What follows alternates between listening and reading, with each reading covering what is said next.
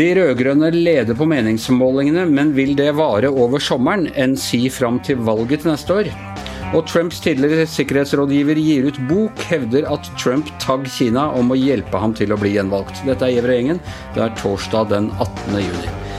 Ja, eh, Tone Sofie Aglen, du har vært på Jonas eh, Gahr Støres pressekonferanse der. Var det noen som, andre som dro dit på en dag som denne, hvor vi bare jubler og har vunnet eh, FN-mesterskapet i sikkerhetsråd? Du, det var vel eh, halve journaliststanden som var der. Jeg tror eh, mange var glad for å se folk igjen. Så disse sommerpressekonferansene kom egentlig som et litt sånn eh, positivt supplement etter våre koronaisolat. Ja. Nei, for vi så jo på, på reaksjonene til og, og, Erna hadde vel også pressekonferanse i dag, og hun, hun, har jo uttrykt mye glede. Og det har vært en litt sånn dagen etter at vi har vunnet en landskampstemning i regjeringen i dag, vil jeg tro. Ja, og det var jo uh, igjen litt sånn synd for Arbeiderpartiet, for de har jo en tendens til å komme litt i skyggen av Høyre. Og akkurat i dag så var jo det litt uforskyldt, da, for det var vel ikke planlagt å legge sikkerhetsrådavgjørelsen foran Aps store pressekonferanse. Men du, du har skrevet en kommentar kommentar i dag som eh, ligger ute, og som man kan ja, helst gå og kjøpe og finne i avisen, men den eh, ligger også gratis på nettet hvis man av en eller annen grunn ikke har lyst til å bruke penger. Eh, og om Jonas og de gode hjelperne. Hvor du ser på altså Situasjonen nå er at de rød-grønne leder klart på alle meningsmålinger.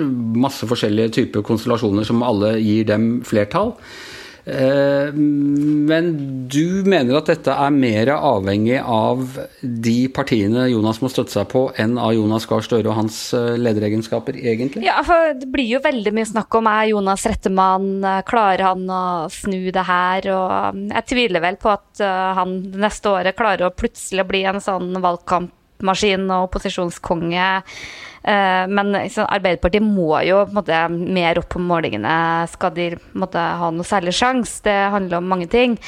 Men jeg tror nok liksom, det store bildet om Erna får fortsette i fire år til, som jo er den store skrekken politikken til Arbeiderpartiet handler nok om eh, helt andre ting. Og, og, mange, når man bare leser meningsmålingene, så ser det ut som det der forspranget til de rød-grønne er så stort. Men det handler egentlig om uh, to ting som kan snu veldig fort. Det ene er sperregrensesituasjonen, hvor både Rødt og MDG har ligget over sperregrensa ja, nesten så langt øyet kan se på målingene, mens Venstre og KrF ligger under. og det betyr jo veldig mange mandater eh, i favør den rød-grønne sida, og så vet vi at det kan veldig fort snu. Og, men eh, vi opplevde jo det samme sist, at liksom Venstre og KrF fikk veldig god eh, uttelling pga. sperregrensa, og, og, MDG ble Ja, du hadde en opptelling i, kommentaren på uh, hvor mange stemmer som lå bak MDGs ene stortingsrepresentant, kontra hvor mange som utløste fire for Kristelig Folkeparti? For Kristelig Folkeparti. Uh, ja, MDG har jo jeg tror det var 96 000 uh, stemmer ved forrige valg. Og har jo én på Stortinget, mens eh, KrF hadde 100 og noen og 20 000 og har åtte stortingsrepresentanter. Og det der er jo valgsystemet vårt på godt og vondt. Og, og, sist så var det jo Venstre og KrF som greide å krøke seg over, og, mens MDG og, og Rødt havna under. Eh, Rødt er jo en litt annen situasjon, for det er mange grunner til at Støre er skeptisk til dem. Men eh, de setter jo aldri inn en, eh, en borgerlig regjering. Eh, får vi tro. Men, eh, men, det betyr veldig mange dødstemmer til de rød-grønne. Og sånn, tradisjonelt så har eh, både MDG og Rødt appellert til unge folk som uh, unge raddiser i byen, som uh, ikke alltid går og, og stemmer. Det snur ganske fort. Og dessuten en annen Mens Venstre og KrF tross alt har mye mer en tradisjon og baser. Og, og så er det andre handler om takt, taktisk stemmegivning, hvor de borgerlige liksom har en tradisjon for det og kan finne på å stemme Venstre opp for å berge regjeringa, mens det har det vært lite av på rød-grønn side, og i hvert fall ikke for de her småpartiene. Hva tror du er skrekkscenarioet for Jonas og Arbeiderpartiet? Er det liksom sånn sånn, eller man kan tenke seg noen av dem, men hva, hva er de mest sannsynlige sånn skrekkscenarioene? Eh, hvis de vinner, da, altså utover å tape? Ja, nei, liksom det mest åpenbare skrekkscenarioet er jo at at Erna får fortsette i fire nye år. Selvfølgelig. For du, du, ser det jo veldig godt på Arbeiderpartiet at etter snart åtte år uten makt, Men, uh, så er det et ganske årelata parti på, på alle mulige vis. Og, og det, det, det, betyr veldig mye for et parti som sitter i regjering, ikke minst for Arbeiderpartiet. Men jeg tror nok uh, et veldig stort Senterparti,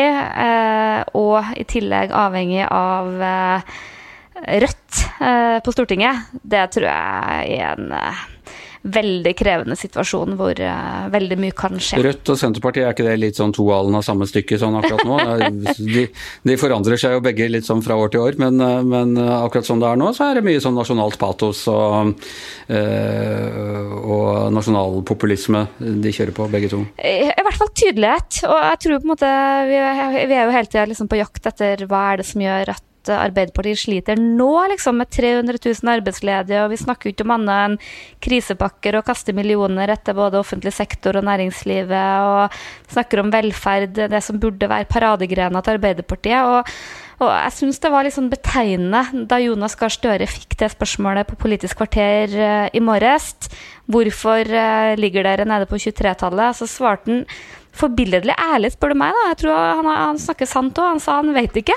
Eh, og det, det, er ikke lett å, å, forstå det lave nivået. Men eh, problemet er at en Ap-leder i en sånn situasjon eh, kan jo ikke framvise den ærligheten. Han må jo si noe annet. Og det er litt sånn det Jonas sliter med, med tydeligheten sin, hvor han blir litt sånn dratt uh, i alle kanter i partiet. Og jeg hørte en veldig sånn uh, god historie fra innsida på Stortinget, fra noen av forhandlingene, som sier på en måte at Ap blir veldig sånn eh, vanskelig å forhandle med i oljeskatt og iskant og sånn, fordi de virker liksom som de ikke helt vet hva de vil. Eh, og no, noe som eh, stemmer jo, for de blir dratt av fagforeningen den ene ene kanten, og så blir han dratt av de mer miljøkreftene i sitt eget parti, og, det blir man utydelig av. Mens når Støre på en måte har vært i sånn koronautvalg og andre steder og, bare på en måte vært sånn landsstatsmann, så, så, imponerer han veldig de rundt seg. Så jeg tror det er litt hans problem. Ja, det er jo veldig lenge til, til valget, evighet i politikken osv. og, og sånn, men uh, tror du det blir et skifte? Uh, jeg vil jo tro det er sannsynlig overveiende, men det, det, det, da får jeg lov å si den andre grunnen til at jeg tror at det her er langt mer åpent, Anders. Og det handler jo om det du var inne på, nemlig Senterpartiet. Eh, for det er jo det eneste partiet eh, som de borgerlige partiene taper velgere til i, i stor utstrekning. Og det som eh, vil være sånn, Det har jo vært prosjektet til Høyre lenge å tette den lekkasjen med distriktsministre osv. Og jeg tror jo at når Frp får summa seg samlet, De får jo en ny kommunikasjonssjef nå fra TV 2, Kjetil Løseth, som vil tenker strategisk, så tror jeg de i mye større grad kommer til å prøve å knekke den her Vedum-koden. Og, og, klarer de på en måte å få hull på Senterpartiet, som det virker som ingenting biter på, så kan det her bli veldig spennende. Ja. Uh, Vedum-koden, ja, det er, uh, den skal bli aller mest spennende å, å følge i tiden fremover.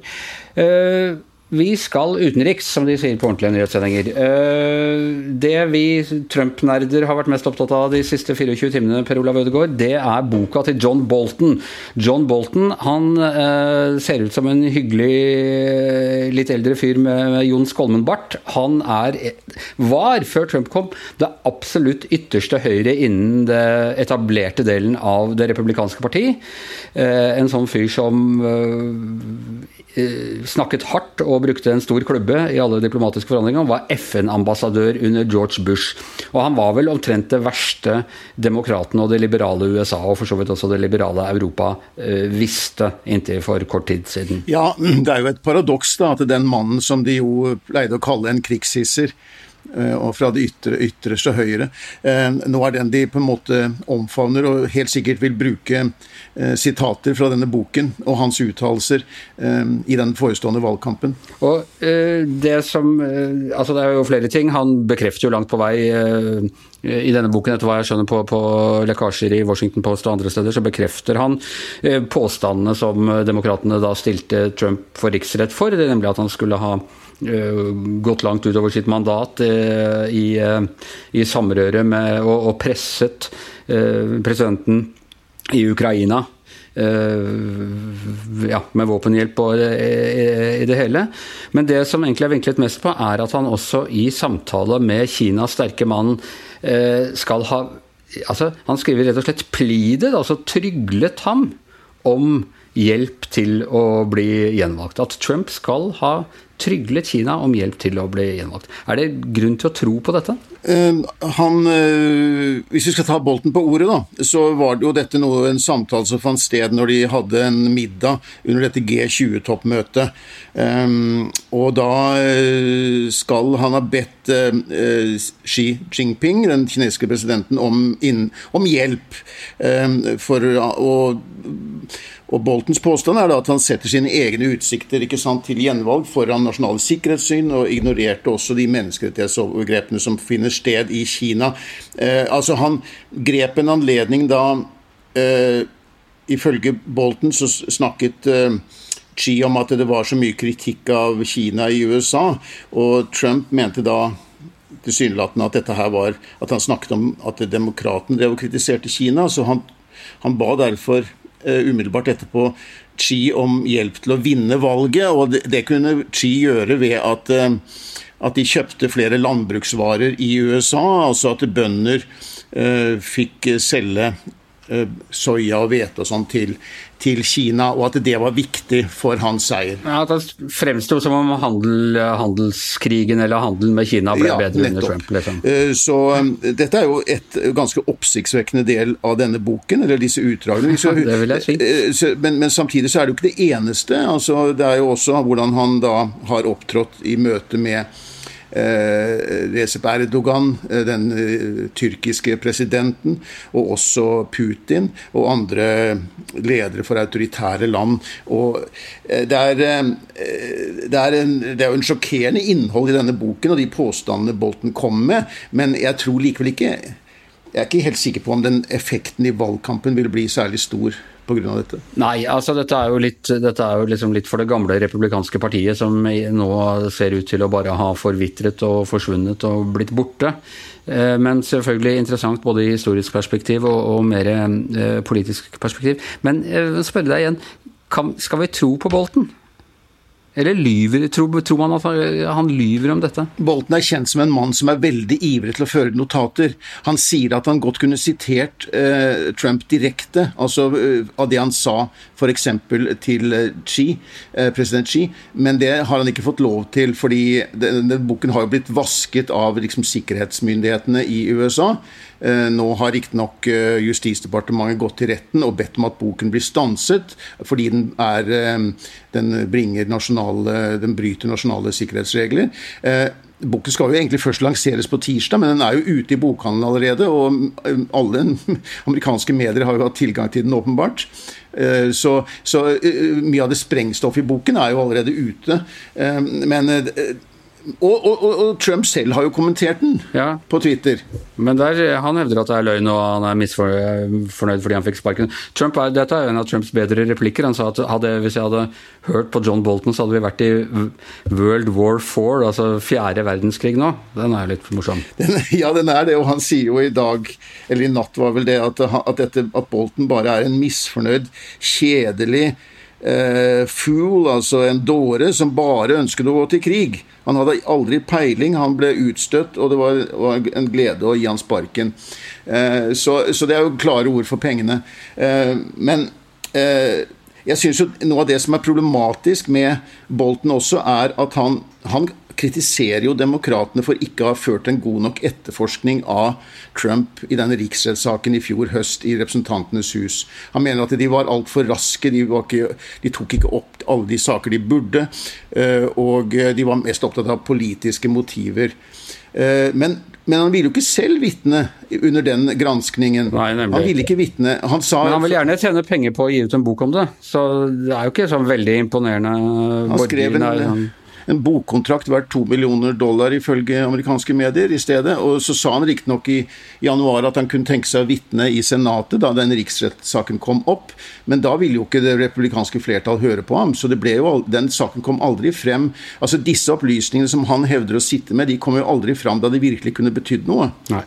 Nemlig. Vi må ta en liten en helt til slutt om Bolten, som du og jeg har vært litt opptatt av. Da, da Bob Woodward, USAs mest kjente journalist, han som sto bak Halvparten av duoen som sto bak Watergate-avsløringene, skrev bok om Trump i fjor. og Da fortalte han om første gang Trump eh, vurderte å ha Bolton som sikkerhetsrådgiver. Så, så står det bare at eh, han var oppe til vurdering, men Trump likte ikke barten hans. og Det var alt som sto om Bolton. Og det vi, hadde vi mye moro av på, på, avdelingen. Og når Bolten da kom inn som sikkerhetsrådgiver, så var det liksom sånn Oi, han tok ham til tross for barten. Så traff jeg Bob Woodward i fjor, for han var i Norge, og snakket med ham eh, ganske lenge på tomannshånd. Og da sa jeg det, at jeg syntes den var så bra, den setningen. Og så ser bare Woodward alvorlig på meg, så sier han 'The mustache is still a problem'. ja, og det sies jo det at, at uh, Trump uh, ikke mente at han på en måte så ut som den rollen rollen som sikkerhetsrådgiver med en sånn, denne her eh, barten sin. Det passet liksom ikke inn i rollen. Ja, han ser for hyggelig ut, rett og slett, med den der barten. Men det han kanskje burde tenkt litt mer på, var at han muligens ikke hadde den rette holdningen. fordi de to er veldig ulike når det gjelder hvordan USA skal bruke makt i verden, hvordan amerikansk utenrikspolitikk skal føres, så kanskje burde holdningene vært litt viktigere enn akkurat utseendet. Ja. Da lærte Trump forhåpentligvis en lekse, så nå blir han mye bedre i eh, fremtiden. Gjever og gjengen er over for i dag. I hvert sitt hjemmestudio Tone Sofia Aglen, Per Olav Ødegaard, Anders Giæver samt vår barteløse produsent Magne Antonsen.